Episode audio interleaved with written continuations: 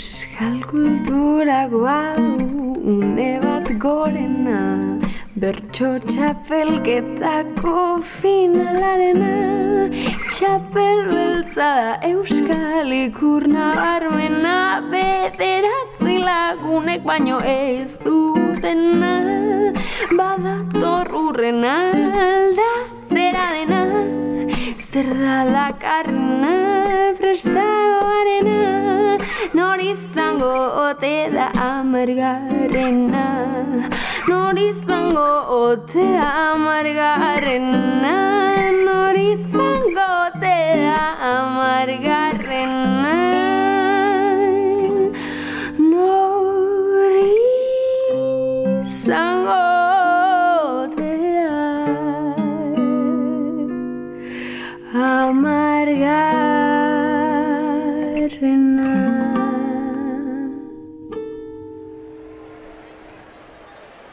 Silberio, hau duzu erantzuteko lehen puntua. Gure herrira datorra maika etorkin. Ta niri egoerak odola irakin Mugak itxi ditzagun ahal bezainarin Lanak entzera inor etorri ez dadin Bikaina izan da, graziarekin eta arrazoiketa, arrazoiketa sendoz gainera, eh? Goitik beherakoa, hori ezin zaio aitzakiarik atera. Eta hau duzu bigarrena. Bidasoak berriro odolez distira. Oiek gertatzen diren istripuak dira Inorretzen itxoko egia hori da Beraien herrietan gelditu balira Hori da bertxotan egitea. Bai neska, bai. Eta entzuleak, tiaka, poltsikora.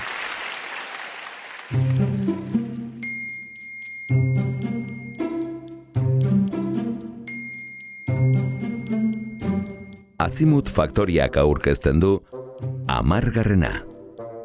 EITB podcast atariarentzat sortutako fikzioa. Zazpigarren atala. Politikan, ez dago gauza politikan.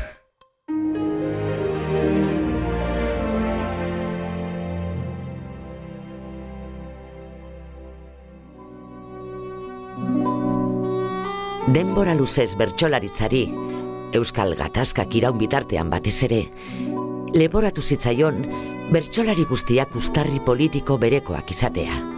Denak eskertiar, denak abertzale, denak gobernuen aurkako. Une zehatza zein izan zen esatea zaila den arren, haize guztiek aldatzen duten orabidez. Lehenago edo geroago. Eta, espero bezain txarrak aldira. Ez, ez, okerragoak. Hauteskundeak kate joka eta idoiaren balorazioak bi puntu terdi egin du behera.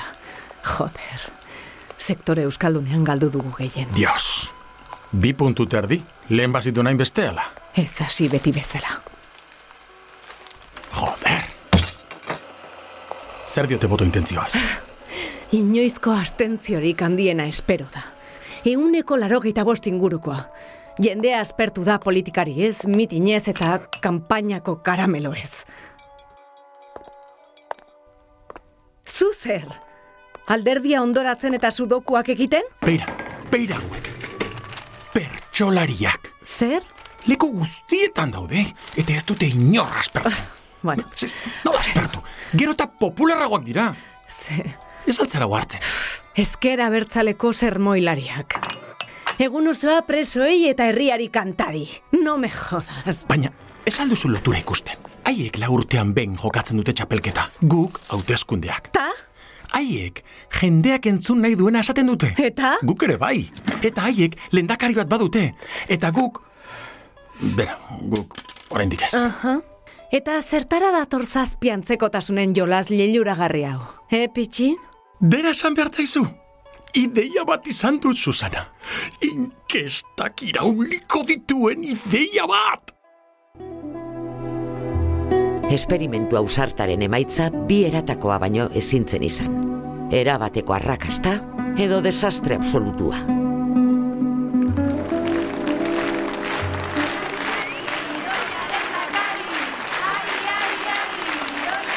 Ziurtzaude hau ondo aterako dela. Madrilen honen berri izandakoan, zure barrabilak ferrazen zintzilikatuko dituzte. Doazela antzarrak ferrazera. Hona, eh? Ez da txistetarako unea. Zer galtzen dugu saiatzerekin, eh? Total, bozka gutxiago ez ditugu jasoko. Bera, nire txanda. Bat, bai. Eta, eta mitina amaitzeko, alderdikideok, sorpresa txiki bat daukagu. Zuekin, historian lehen aldiz, bertsolari sozialista bat. Denis Egigure. Aurrera, Denis.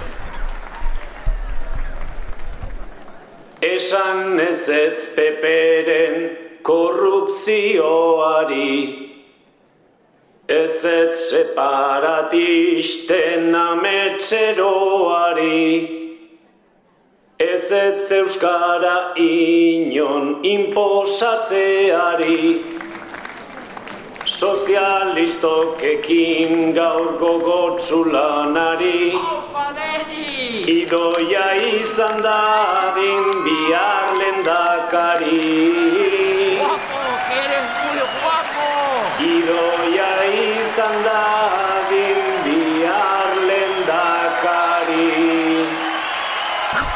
baina, jendea txoratzen dago? Esan ez dizut ba, hau da behar genuena, Susana! Nola bururatu zaizu tipo hau ekartzea? Arribitsi bat da? Ba, eibarko bertxoskolan omen dabil, eta ez omen da bakarra. Mutilon, mutilonek ajurian eramango gaitu. Ea egia den. Haupa, Eibar! Txapeldun, eres un txapeldun! Sozialistek bertso esperimentuari esker inkestak irauli zituzten. Eta hori ikusita, laster hasi ziren gainerako alderdiak ere propagandarako bertsolariak erabiltzen. Mezuak zuzen, labur eta graziaz esateko doaina zuten. Eta komunikazioaren gizarte hartan, edo zein aitzakia zenona, lehen lerroan bertsolari bat jartzeko. Ongi etorri bertsozale guztiok, gartzonek zioen moduan, aurrera sumarioa.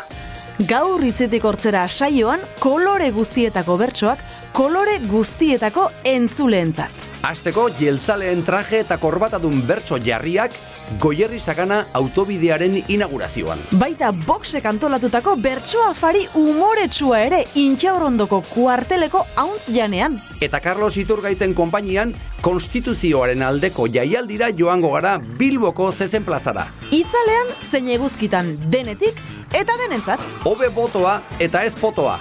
Asteragoaz. Reagan, Trump, Salvini, Zelensky, oikoa zen komiko, influencer edo aktoreak presidente kargutan ikustea.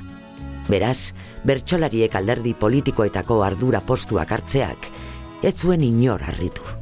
Euskal gizartean ere, balantza eskuineran zetzaten hasia zen, langabeziaren, krisi ekonomikoaren eta atletik bigarren mailara jeistearen eraginez. Denbora kontua baino etzen, aldaketa txapelketa nagusira iristea. Arratsalde hon ikusentzule, zuzen zuzenean Donostiako haizearen horrazitik. Une batetik bestera hasiko da askatasunaren aldeko bertsolarien agerraldia. Eun bertsolarik egin dute bat deialdiarekin eta jakin dugunez manifestu bat irakurriko dute txapelketa nagusia erro-errotik aldatzea eskatuz. Arratsalde on guztioi, askatasunaren aldeko bertsolari hori izenean, eskerrik asko etortzeagatik. Bai, bai, hori da, eskerrik asko. Bai. Bueno, hilabete luzez hausnartu ostean, txapelketa nagusiaren eredua aldatu behar dela konbentzituta gaude. Orain arte gaiak politizatu egiak egon dira, hori nabarmena da. Eta gainera badakigu, zein aldetara okertuak. Aizue, barkatu, bi bazuekerako galdera bat, zer esan nahi duzue horrekin? Ba, nahiko abestu dela preso ez, itxitako egunkari ez, eta arrano betzez ere bai. Eta badela garaia beste gai batzuen gainean beste batzuek kantatzeko. Ulertu aldu, basta ja, ja basta. Horregatik, aurten jokatuko den txapelketak ezberdintasunen gainetik guztionzat elkartuko izan behar. Baina guztionzat, eh? Ideologien elkarbizitza bermatuko duen lehiaketa libre bat, mesedez. Baina, zen nahi duzue, eun bertsolariko finala? Ez, ez, ez, ez, ez. Askatasunean jokatuko den lehen txapelketa nagusia. Bazen garaia. Egoak ebaki banizkio Neria izango zen Entzulena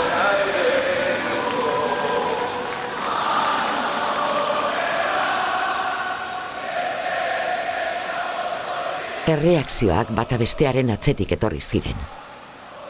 Afera legebiltzarrera heldu zen. Eta han erabaki zen kontrolerako organo bat sortuko zela, gaien pluraltasuna ziurtatzeko. Aurrerantzean bertsolariek zoru etikoa errespetatu beharko zuten. Eta hori aski izan espalitz, alderdi guztiek ordezkari bana izango zuten finalean, sentsibilitate guztiak ordezkatuta egoteko. Polemikaren erdian, ezkera bertzaleak boikoterako deia egin zuen. Eta bertsolari askok parte hartzeari uko egin zion. Hala ere, berreun lagunek baino gehiago eman zuen txapelketan izena. Etzen kopuru makala, baina nola bermatu alderdi bakoitzak bere finalista izango zuela. Oso erraz, ordura arte lurraldeka jokatzen ziren bertso txapelketak, aurrerantzean alderdika eginez. Herriko taberna, Casa del Pueblo, Alkarte txe edo batzokietan. Eusko lurgainean zutunik eta jainkoaren aurrean apalik lan puntuagarriak amaituta eskuetan dut lehendakariaren erabakia. Asaben gomutaz eta Gernikako zuaizpean mila seireunda larogei puntugaz batzokiko txapelduna eta ondorioz finalean ea jota ordezkatuko dauen bertsoburu batzarra da Xabin Atutxa! Xabin, bai, atutxatarren familiako semea. Bere ardura izango zen jeltzaleen hegemoniak irautea. Gernikako arbolan egin behar dutzin Biotza daukadala txistuta danbolin. Finalean bertxotan nahiko nuke egin. Atxetearen gizan ondoetarin Erraustegi bat bezain gozotatxegin Txapela batzokira nigaz etor dadin. Gainerakoek ere izendatu zituzten alderdiko txapeldunak.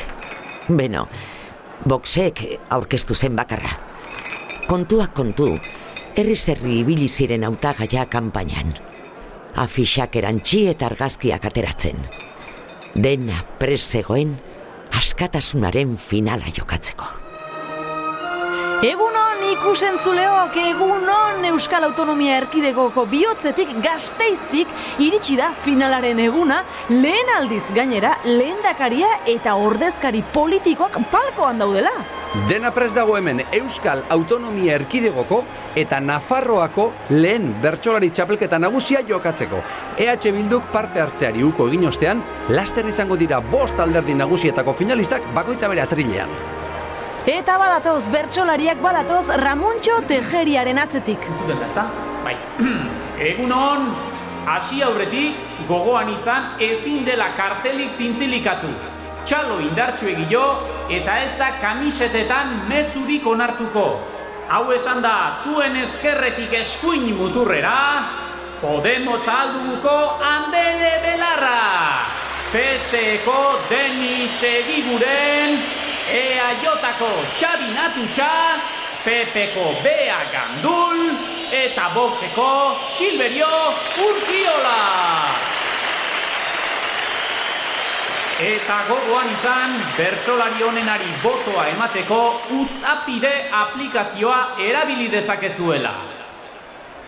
Astera doa finala, zer diote inkestek, Xavier? Atutxa eta egiguren direla favorito alde handiz gainera.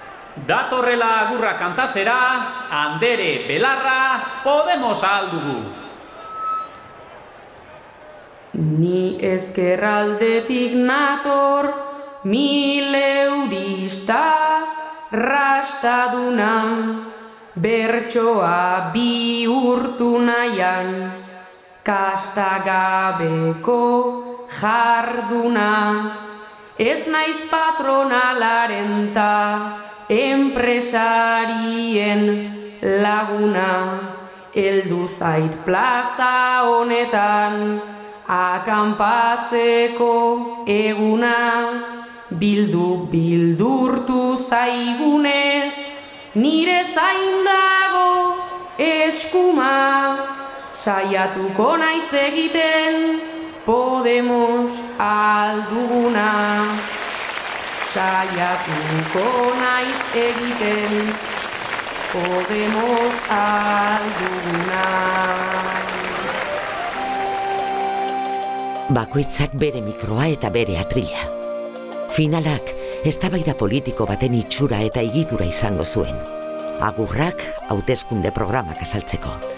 Ofizioak pilpilian zeuden gaiak eztabaidatzeko.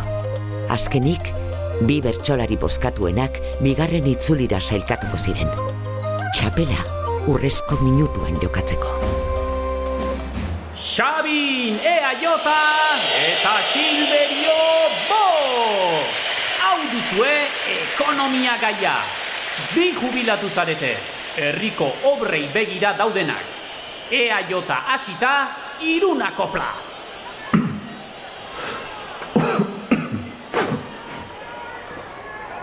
Hortxe dator tren berria, obra ikaragarria, jaurlaritzari esker daukagu aurrera doan herria.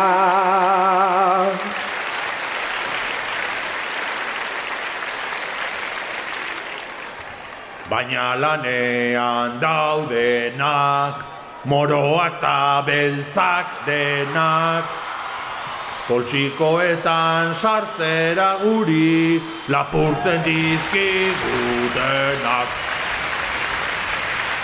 Gai ekonomikoetan espero bezain txukun atutxa esan beharra dago, baina haze txalo zaparradak urkiolaren zat. Antzematen zaio, kolpea ematera etorri dela. Bertso gogoan garriak entzun ziren finalean. Zeharun kigarriak, egigurenek Euskara ez jakiteagatik langabezian gelditu zen medikuaren larrutik botatakoak. Edo handere belarrak marihuanaren legalizazioari abestutakoak. Pepeko gandulen bakarkakoa ere gogotik txalotu zuten. Beatriz, hau duzu bakarkako gaia. Sekula ez diezu esan, zenbat maite dituzun. Xavier, gaia sakona da, ea asmatzen duen topikoetatik urruntzen. Gai irekia da aukerak baditu. Kaioei, hormetako gutuna zalei, masterra oparitu zion unibertsitateari. Xavier, aski, aski, astera doa. Lanean beti umila, goxoa eta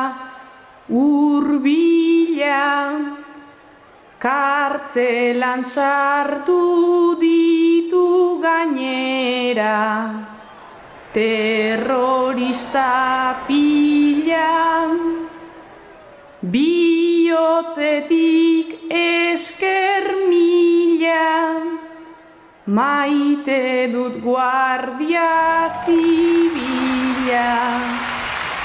Urte askoan Euskal Herrian gelditu da bila.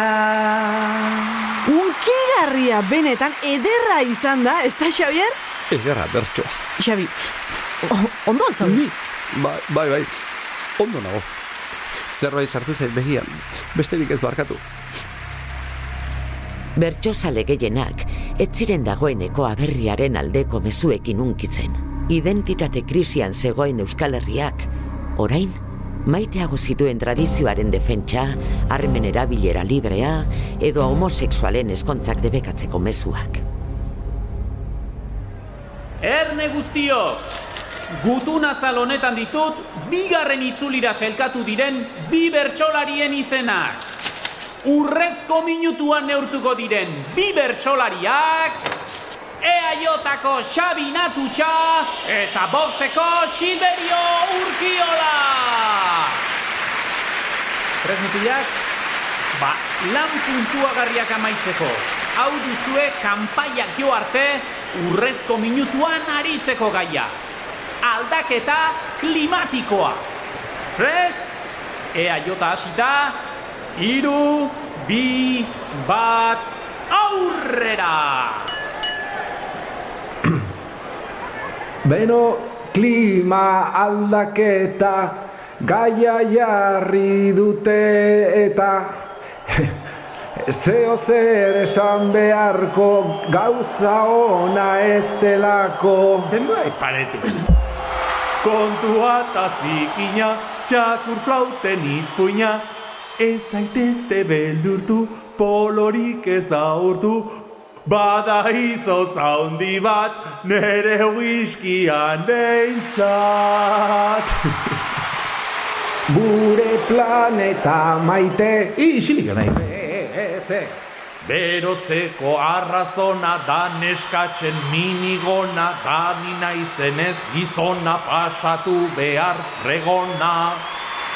Ea jotak badu plan... Isilikateko, ba. Baina, baina berriz, mira, errespetu falta ikaragarria eta itzela iruditzen zait pertsona honek. Kosta igotzen bada, txaloka joango gara, udaran ondartzara, mandubiko puntara, klima ederki dago, gero beroago, etzen uten aiala, Euskadi tropikala.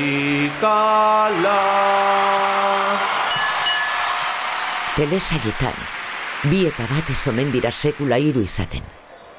Baina lau urtean behin, Euskal Herri bakoitzak merezi duen txapelduna dauka. Jaun Andreo, eskuetan dut zuen erabakia. Mila bederatzireun eta hogeita bi boto jasota.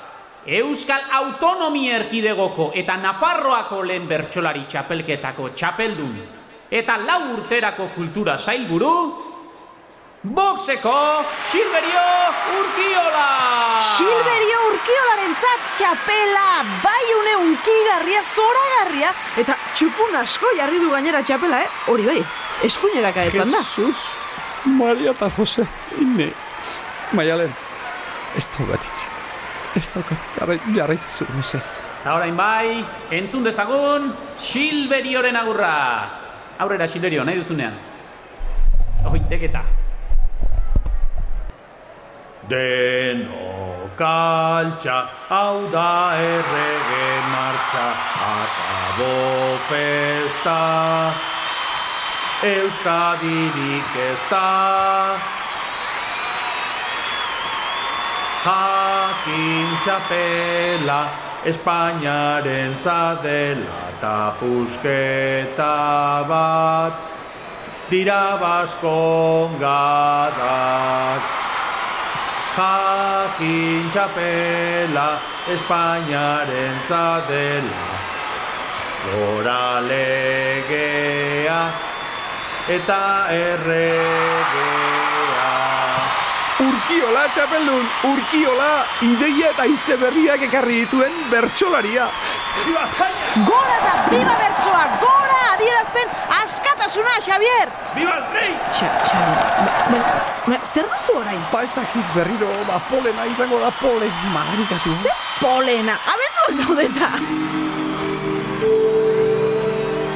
Abendu batzuk eta milaka bertso geroago, denbora luzez bertsolaritzari Hogeita bigarren mendeko erregimenak iraun bitartean batez ere.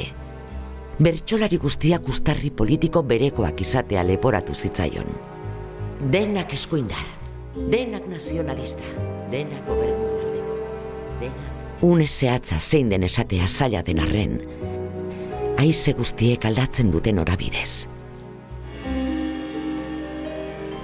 Lehenago edo geroago.